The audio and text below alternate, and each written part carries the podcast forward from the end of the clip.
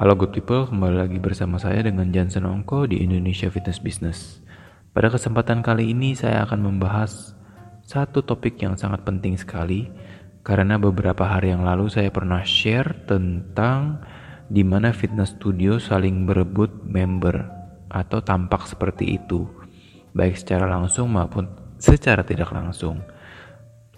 Judulnya sendiri untuk topik kali ini adalah strategi untuk menciptakan pasar yang baru.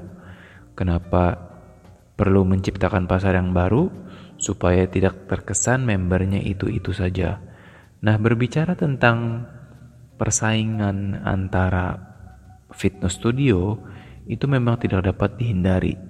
Baik yang sehat maupun yang kurang sehat seperti tarik-tarikan member. Itulah kenapa topik ini saya angkat dan isu yang menurut saya sangat penting sekali. Terlebih lagi banyak yang pemilik studio tidak memahami bahwa terkesan seperti pasarnya itu-itu saja karena mereka tidak pernah mencoba untuk menggali lebih jauh atau menciptakan pasar yang baru. Nah, sebelum saya terlalu jauh membahas tentang pasar, saya perlu mengingatkan kepada seluruh pendengar bahwa di episode 3 dari Indonesia Fitness Business saya pernah menjelaskan tentang price wars, yaitu perang harga.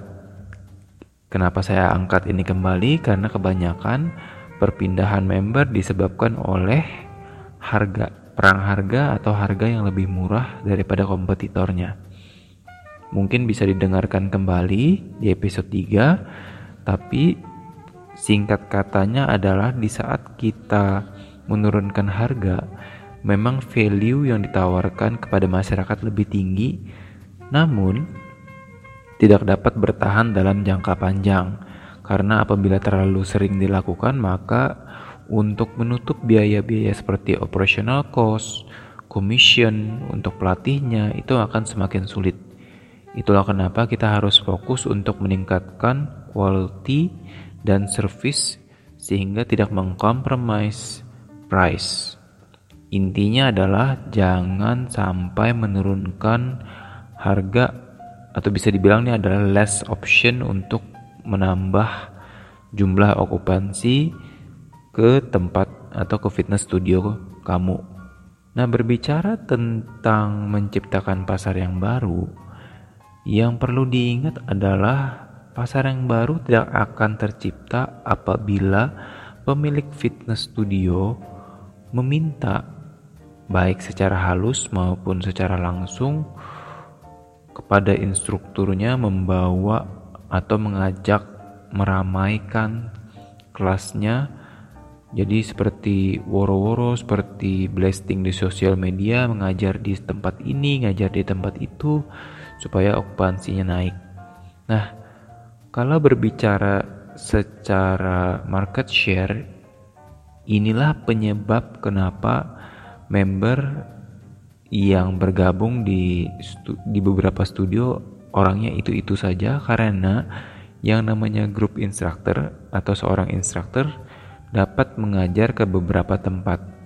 Nah, oleh karena ada permintaan dari pemilik sehingga mereka harus atau terpaksa untuk mensosialisasikan di mana saja mereka mengajar. Ini tidak salah, tapi kurang proper dalam jangka panjang dan tidak menciptakan pasar yang baru.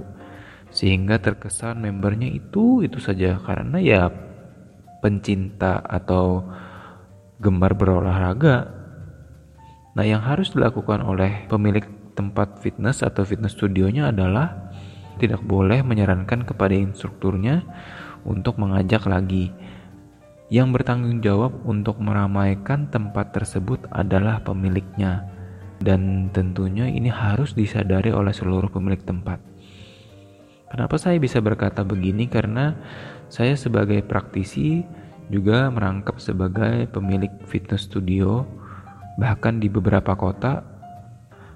Yang herannya lagi adalah ada instruktur yang malah merasa tidak enak kalau tempatnya sepi jadi mereka merasa bahwa sekedar makan gaji buta.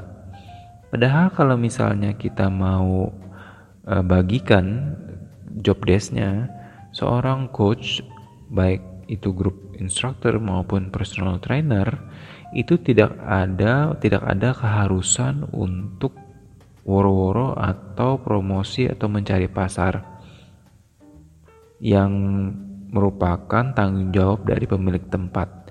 Karena tugas utama dari seorang coach ya memberikan pelatihan seoptimal mungkin membawakan uh, kelasnya dengan baik tidak peduli jumlahnya 1, 10, 100 atau 1000 energinya harus tetap sama dan juga apa yang mereka berikan harus tidak boleh jauh berbeda nah yang harus diingat oleh para instruktur adalah hal ini. Jadi kalau misalnya ke depannya ada pemilik fitness studio yang menyarankan kamu untuk ayo uh, cari dong. Katanya coach populer katanya grup instruktur kamu kan di A rame di tempat itu rame di tempat ini rame. Kenapa di tempat saya sepi? Sekali lagi itu bukan tanggung jawab kamu.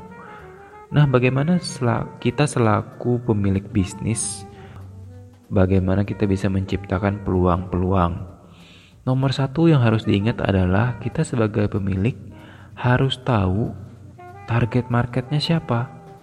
Ini penting banget untuk mengetahui target market yang akan datang ke tempat kita.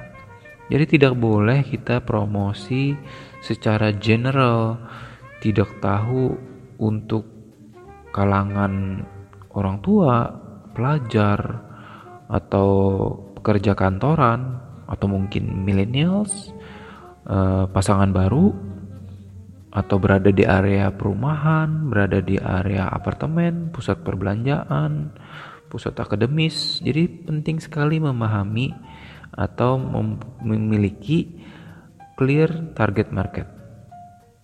Nah, itu dari demografi kita benar-benar harus mengetahui apakah target marketnya kelas A, kelas B, kelas C, D. Kenapa harus tahu atau paham target market karena strategi promosinya itu akan menyesuaikan. Setelah mengetahui target market dan memiliki strategi marketing yang sesuai, otomatis yang datang ke tempat kita itu adalah orang-orang yang kita harapkan. Nah, misalnya kita meminta instruktur untuk woro-woroin kelasnya atau sosialisasi melalui sosial media maupun melalui word of mouth. Belum tentu target marketnya yang kita butuhkan. Walaupun akan membuat tempat fitnessnya ramai tapi kalau misalnya terlalu random terlalu variatif orang yang datang itu akan membuat suasananya juga tidak nyaman bagi ya pihak A, pihak B. Atmosfer itu sebenarnya yang paling dicari oleh member kita. Sehingga mereka kalau bisa sudah expect atau memiliki ekspektasi terhadap tempat yang akan mereka kunjungi sebagai contohnya adalah tempat kita. Jadi sebelum mereka bergabung pun mereka sudah tahu, oh ini tempat kebanyakan untuk ibu-ibu, oh kebanyakan untuk anak muda. Sehingga mereka bisa merasakan atmosfer yang kita bangun di tempat uh, di fitness studio kita. Nah, itulah kenapa pentingnya yang namanya target market. Nah, selain mengetahui target market, untuk menciptakan pasar yang baru itu adalah dengan memanfaatkan koneksi yang dimiliki ownernya atau partner dari ownernya, bukan dari coachnya, bukan dari instrukturnya. Kenapa? Kita bisa memberitahu kepada teman-teman kita, e, saya punya gym yang khusus ibu-ibu misalnya, khusus lansia atau khusus anak muda. Jadi teman-temannya owner itu bisa membantu mencarikan target market yang sesuai. Berikutnya, bisa juga dengan melakukan strategi promosi atau kerjasama ke bisnis-bisnis yang mungkin target marketnya kurang lebih mirip dengan fitness studio atau klien-klien yang ada di tempat kita. Jadi, rule number one, know your target market. Yang mesti kita ingat sebagai pemilik bisnis atau pemilik fitness studio adalah mempertahankan member itu jauh lebih mudah daripada mendapatkan yang baru. Itulah mengapa kalau sudah punya member yang aktif, member yang devoted, member yang member setia lah kasarnya. Sudah seperti owner lah mirip mirip mirip kurang lebih seperti owner anggapannya. Kalau nggak ada si dia itu bukan fitness studio X misalnya. Nah itu yang sebenarnya harus dipertahankan, yang harus dilayani dengan baik, di grooming, di treat atau apa pun itu supaya mereka tetap betah di tempat kita. Karena kalau misalnya mereka sudah betah di tempat kita dan memang sesuai stylenya dengan yang kita butuhkan kliennya, ya otomatis mereka akan menjadi pemasar atau sales atau bagian promosi terbaik untuk tempat kita gitu loh. Jadi bukan berarti kita tidak uh, ini ya, tidak mencari member baru, bahkan dengan cara mempertahankan member yang ada saja itu sudah menjadi strategi promosi yang sangat efektif atau sangat-sangat mujarab untuk menambah member baru. Jadi yang perlu diingat juga it's not always about price. Jadi bukan sekedar harga saja seorang member itu bertahan di satu tempat. Mereka mau atau willing untuk membayar lebih mahal daripada harga pasaran atau di pesaing di lingkungannya yang tempat fitness fitness bisnis kita berada asal tempat yang kita miliki itu memang sesuai dengan apa yang mereka butuhkan. It's never about the price itu tadi kenapa kita tidak boleh selalu berpikiran untuk memangkas harga, memberikan diskon, tapi meningkatkan quality dan service yang kita punya. Sehingga member-member yang sudah bergabung bersama kita itu lebih betah lagi. Nah, bagaimana kalau misalnya ada member yang bisa dibilang tidak memiliki style atau bukan target market kita lah ada yang disebut dengan seleksi alam. Kalau kita sudah memiliki clear target market, kemudian masuklah beberapa member yang tidak sesuai dengan atmosfer yang kita build atau yang kita bangun di tempat kita, lambat laun mereka akan keluar dari tempat itu karena merasa tidak nyaman, merasa tidak tidak merasa cocok saja di tempat situ. Ini yang disebut dengan seleksi alam.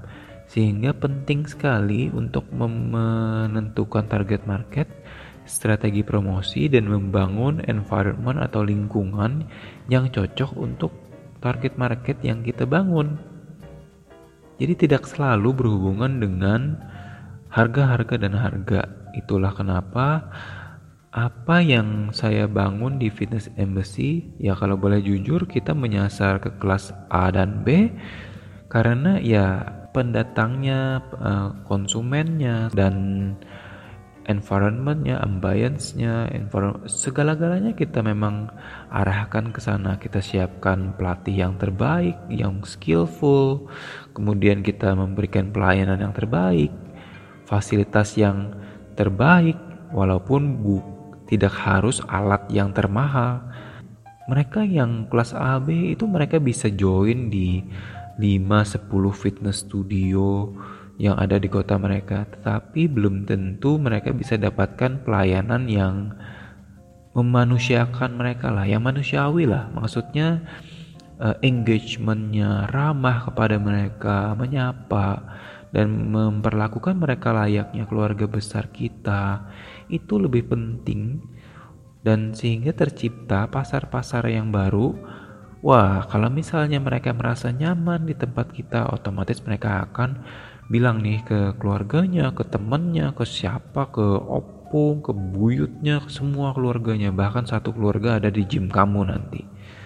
Nah, kesimpulannya adalah jangan pernah menyarankan instruktur membawa member ke tempat kita, tetapi bangunlah market yang baru sesuai dengan yang dibutuhkan oleh tempat yang kita miliki.